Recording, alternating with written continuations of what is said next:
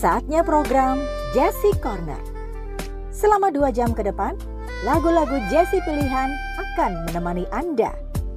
Just stay tuned and enjoy.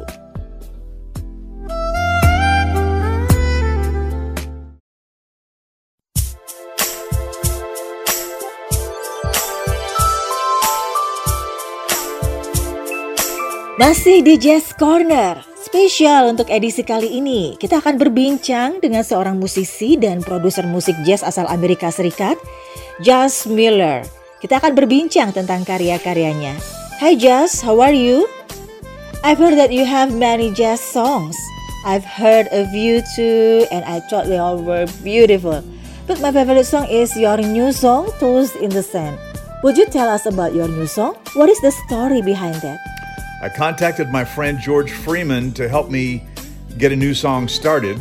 He kindly demoed me about two minutes of piano, drums, and bass with verse and chorus melodies on piano. Even though he was busy with Limitless, his own new album that he was in the midst of working on. So I worked on getting tracks recorded myself. First, I changed the feel to more of a swing groove, 12 8 time for the musicians in the crowd, and added a middle bridge and end section. Next, I recorded my guitars and then had Jermone Randall in Los Angeles put his bass on. Next came keyboards from Rein Godefroy in The Hague, Netherlands. Then Gianni Vancini, who plays with the mega huge Italian star Umberto Tozzi.com, put on many sax parts the sax choir, as it's called, the section harmonies. And Gianni, of course, created his own excellent improvisations on soprano, alto, and tenor saxes. Then I had the idea for some lyrics, so I called my friend Rebecca Jade, who lives here in San Diego, as I do. Rebecca happened to be home because of COVID and kindly agreed to record her amazing vocals for me in her home studio. How long the making process of Toast in the Sand song? All told, about two years, along with working on other songs at the same time. How many jazz songs have you produced so far? Hundreds over the years, even though I started as a rock musician when I was a kid. I got into jazz in music college and started recording when I got my first multi track tape recorder. Among all of your songs, which one is the most memorable for you? For me, I don't know. Um, for radio, probably Wiggle Room. Steppin' is a good one also. Where Are You features Michael Paulo on sax, who's a good friend of Peter Gontha of Java Jazz Festival. And Michael plays the Java Jazz Festival every year since the very first one back in 2005. And I just loved what he did for me, so that was really memorable. Isle of View originally featured the late Ricky Lawson on drums, but then was later replaced when Nate Harrison mixed the song for me and replaced Ricky with his own drums and bass, which sound great in the track. I Shall Love plays that beautiful piano and all of the wonderful keyboards in the track. She really gave it the sound that it has and made it happen. And Rocco Ventrella, of course, is the blistering and frolicking sax player on the tune and then I'm playing guitars and did all the other production and then sent it to Nate to mix it because I was just burned out on it and wasn't hearing with fresh ears anymore. And then I did a nice video for it that's on my YouTube channel that also features some great images from the islands of the Maldives where my Bali Indonesian model was working at resorts in the Maldives. And for Follow the Sun, Gianni Vancini came over to my home studio from Italy to record its parts. So that was extremely memorable. That was on July the 5th, the day after our Independence Day. I like a lot because it's funky and rocky and reminds me of Jeff Beck, who is one of my favorite guitar players. Summer Wishes, Winter Dreams, I recorded because I love George Benson and heard it on his Bad Benson album um, when I was a teenager and recorded it as part of a solo nylon string guitar album I did called Relax, originally called Kithara, the Greek word for guitar, K I T H A R A. It's also on my That's Just Fan Funking Tastic album as the only solo acoustic guitar offering. Espresso Your Selfie with Java Jazz Festival regular Elan Trotman has a specialness for me because I moved so many parts around to create it.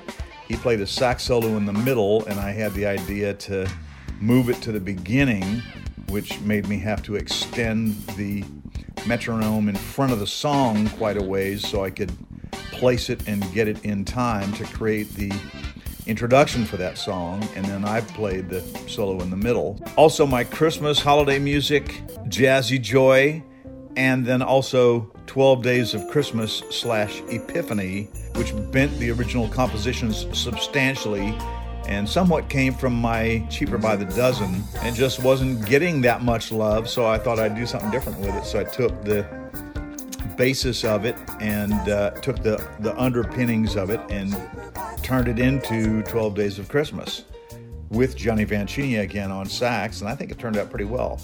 Rein Godefroy playing wonderful keyboards on it. Why do you choose jazz genre in your music? Since when do you like jazz? I fell in love with jazz in music college when I started really learning music theory. All that harmony, all those scales, and all that music theory. It's fascinating. The study of it never ends and it continues to evolve and pick up stylistic additions from other genres. My mother was a classical piano teacher with a degree in piano and voice, and my father was a big band sax and clarinet player in high school in a band called the Moonlight Serenaders, named after the Glenn Miller song. And they would push my crib up to the piano when I was a baby so I could explore it. So, um, you know, I guess by virtue of exposure to, um, you know, the jazz that my dad liked and the classical that my mother liked, and she was also uh, quite a folky. She also played folk guitar, got a degree in piano and voice, graduating at age 20. So, by virtue of my mother, I'm somewhat classically trained. I do play piano. I did take a bunch of piano lessons and learn a bunch of classical pieces. And then, by virtue of my dad being a sax and clarinet player, big band sax and clarinet player, um, you know, I was kind of predisposed to it. But for me, when I first started playing, of course, I was a classic rocker um, and then a progressive rock musician in a band called Panorama that was based in Columbus, Ohio. But what really got me started in jazz, of course, was learning music theory, which is what jazz is all about. You know, all those 13th chords, you know, one, three, five, flat seven, nine, sharp 11, 13, which makes, you know, a big, huge chord. Sing that five times fast. As a jazz musician, do you like playing fusion, funk, bossa nova, swing, acid jazz, or smooth jazz? The short answer is all of the above and then some. the long answer is I love fusion, though I don't really consider myself a fusion player. Uh, I try to stretch out musically as much as I can. I love funk because the syncopated rhythms are so interesting. Brazilian bossa nova has a wonderful laid back attitude that I like to include in my own mixtape podcasts from time to time. I have a number of swing tunes coming out on my new album, Just Add Water. Swing has a broad definition from big band to rockabilly. You know, I think of it mainly as a musical time signature based on triplets instead of duple meter or straight time, straight quarter notes, eighth notes. You know, straight time is one and two and three and four and, and swing time is one and two and three and four. Acid jazz is more of a New York thing. I definitely, I, I, I identify more as a West Coast, Los Angeles, Southern California, SoCal style of jazz musician. Acid jazz is, well, more trippy. I do come from the generation that appreciates taking ideas, especially artistic ideas, to new, different, and unusual, even distorted places. I would even call late 60s, early 70s fusion acid jazz with its explorations into dissonance from the likes of Miles Davis and the Bitches Brew album, John McLaughlin and the Mahavishnu Orchestra with the Inner Mounting Flame album, and its forays into distorted odd meters, asymmetric meters, you know, seven, seven, four time, seven, eight time, 11, eight time, and mixed times where you've got a bar of four and then a bar of three eight tacked onto the end. And so asymmetric meters means they don't have a middle that's exactly in the middle. Melted music, if you will, hallucinogenic music, you know, music, distorted music.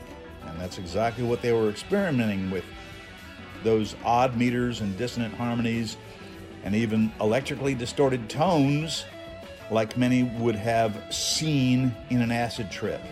Billy Cobham and his Spectrum album, The Late Chick Corea, and his many explorations with Return to Forever and others, and of course the advent of electronic synthesis, which bent music way beyond traditional, previously existing instruments, with instruments like the Mini Moog and the ARP 2600, leading to Walter Carlos, also known as Wendy Carlos, switched on Bach album, which took all those Bach pieces and played them with synthesizer tones, which could very much be thought of as acid baroque as opposed to acid jazz.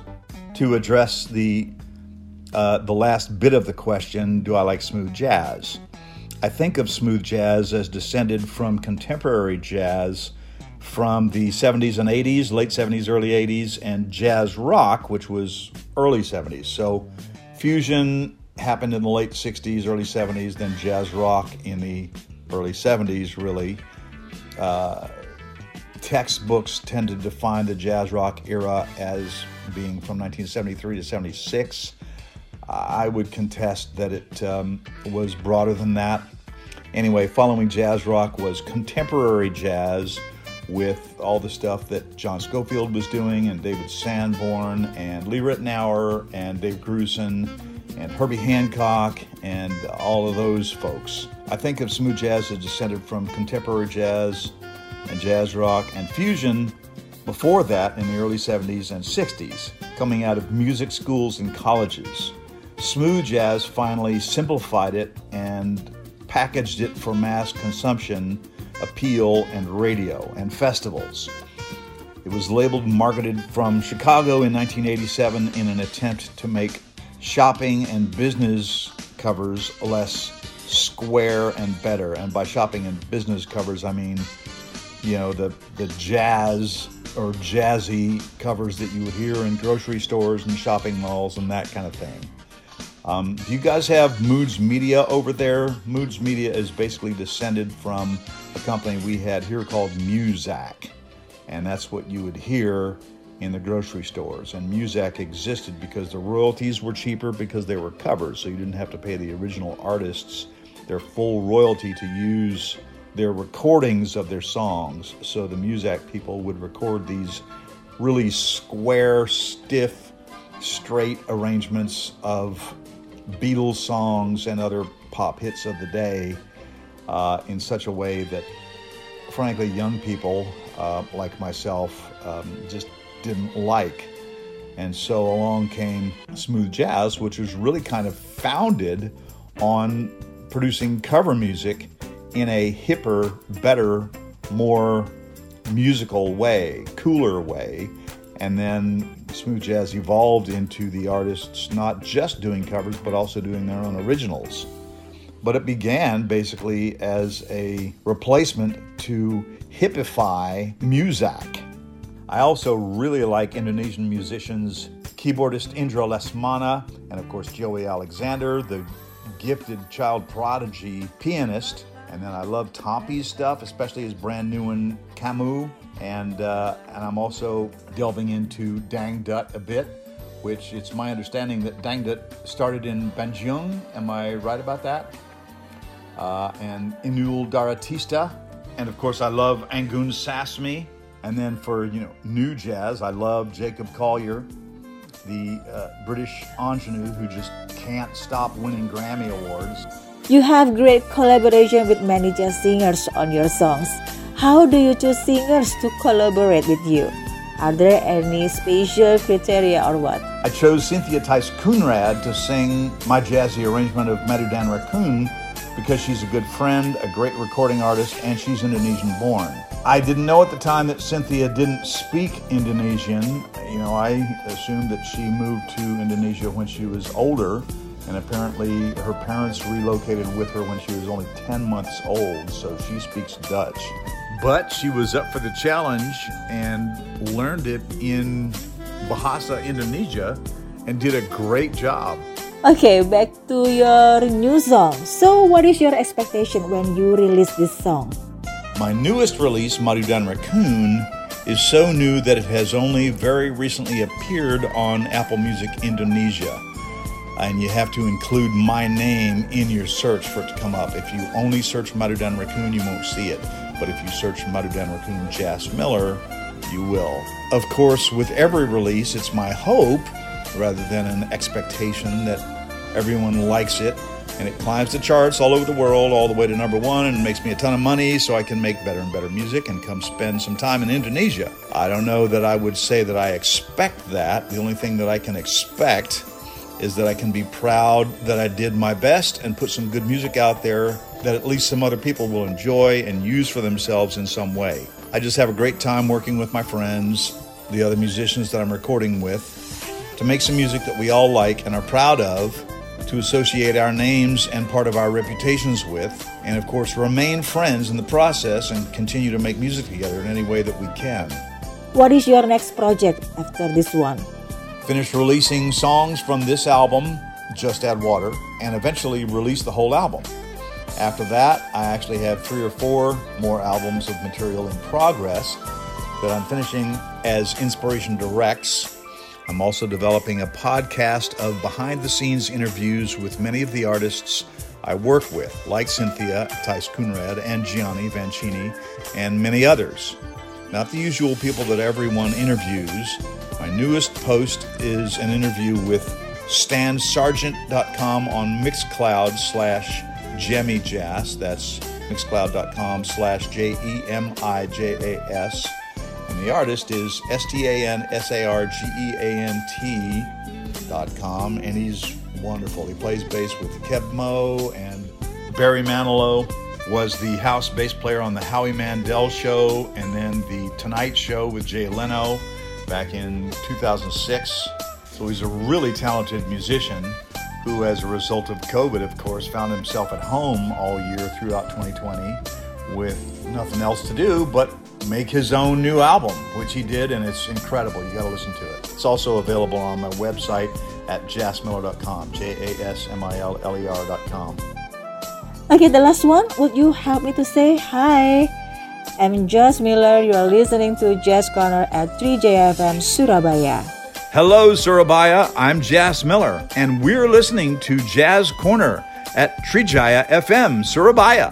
104.7 FM on your radio dial. Oke, okay, itu tadi obrolan seru kita bersama Josh Miller di Jazz Corner untuk edisi kali ini.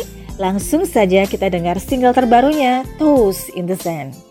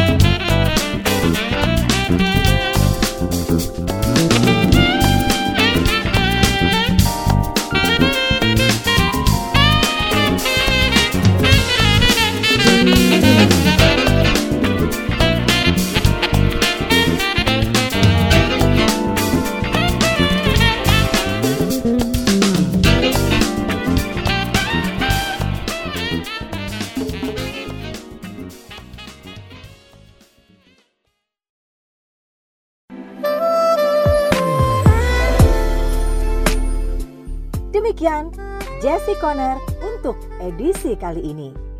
Thank you for stay tuned and bye-bye.